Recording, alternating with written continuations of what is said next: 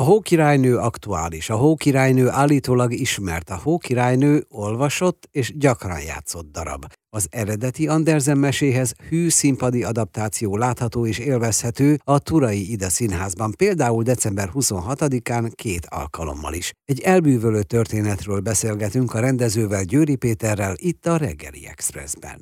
A mese az tulajdonképpen két hm. helyen játszódik, az egyik hókirálynő birodalma, a másik pedig az emberek világa. És a színpad egyik fele az egy teljesen látványosra, meglepőre épített hókirálynő birodalom, ami főleg a végén lesz látványos és meglepő, hát amit a gyerekek nagyon-nagyon szeretnek, és, és teljesen oda vannak tőle. És aztán elkezdődik a történet az emberek világában, és fokozatosan megyünk el a hideg felé, és közelítünk a hókirálynőhöz egyre egyre látványosabb dolgok történnek. Úgyhogy egy folyamatot próbáltunk meg végig vinni vetítésekkel, illetve magával a, a díszlettel, meg a jelmezekkel. A darab zeneszerzőjével is beszélgethetek. Azonos-e a tartalommal a zene? Megpróbálok valamilyen szinten autentikus maradni. Ebben az esetben skandináv népzenéket kezdtem el oh. nagy mennyiségben hallgatni, és azok alapján kezdtem el zenéket csinálni, ezért az egésznek lett egy egy északi hangulata, virágok énekelnek, vagy manók jönnek, vagy a gyerekek kezdenek el táncolni és énekelni. Ez mind-mind onnan származó téma. Hála Istennek ezt az előadást a felnőttek is szeretik. Azok a legjobbak talán, amikor együtt ül a család, közben picit meg is tudják beszélni, családi darab és egy családi előadás. Pont azért, mert mert nem kifejezetten csak gyerekeknek szól. Nekem fixa ideám, hogy, hogy nincsen külön gyerek előadás, mindent ugyanúgy komolyan kell venni. Én nagyon sok minden emlékszem az életemben megadta a sors. És emlékszem rá, hogy egészen kiskoromban, de ilyen két-három éves koromban, amikor beszéltek velem a felnőttek, hogy gyűlöltem. Igen. és, és azt hiszem, hogy a mai gyerekek is így vannak, tehát ugyanúgy lehet velük beszélni, persze talán a témák mások, egy picit másként hozzáállva a dolgokhoz, de, de nagyon meghálálja a gyereksereg, ha felnőttként komoly dolgokról beszélgetünk velük. Összességébe kell nézni a világot, és a gyerek is összességében nézi.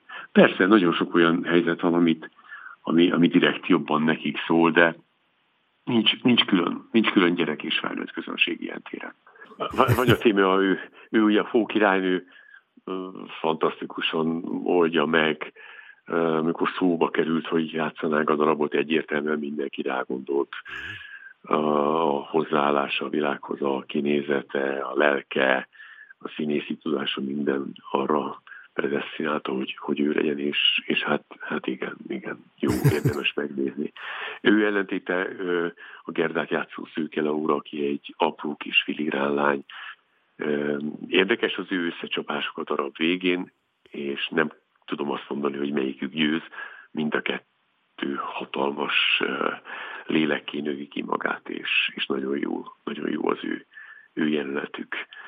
Hát, és nő, nő, nőkben hát van még hála Istennek Igen, igen.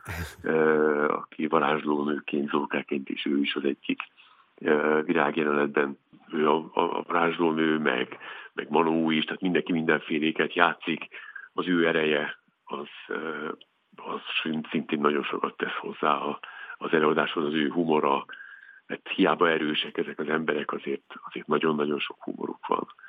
Szabó Anikóval nagyon régóta dolgozunk együtt, ő anyám nagymama és anya, igen. Igen, játszik, és nagyon szerethető nagymama. Nagyon nehéz monológia van, gyerekek mégis végig hallgatják, és végig, végig érdezik az egészet. Mi legyen a tanulsága ennek a mesének? Mindig próbálunk levonni valamit már jó előre. Lehet? Nekem a tanulsága az volt, hogy múltkor előadás után ott maradtunk a gyerekekkel beszélgetni. A darab írója, Topolcsányi Laura, ő írta át a, a darabot, és én, és a gyerekeknek lejött minden, amiről mi szólni szerettünk volna. Megértettek mindent, olyannyira, hogy a végén kértük, hogy hát nem ez a kit szeret jobban papát vagy mamát, de hogy válasszanak oldalt, hogy a hókirálynő, vagy pedig Gerda, Gerda oldala. És bizony voltak jó hókirálynőhöz át, um, Volt, aki Gertához, és volt, aki középre állt, mondván, hogy nem tud dönteni, vagy mind a kettő oldalt nagyon szereti. Nem goroszt és jót hirdet, hanem megmutatja, hogy, hogy mi az az út, amin talán végig kell menni mindenkinek, és akkor megérti a jót is, és megérti az okosságot is.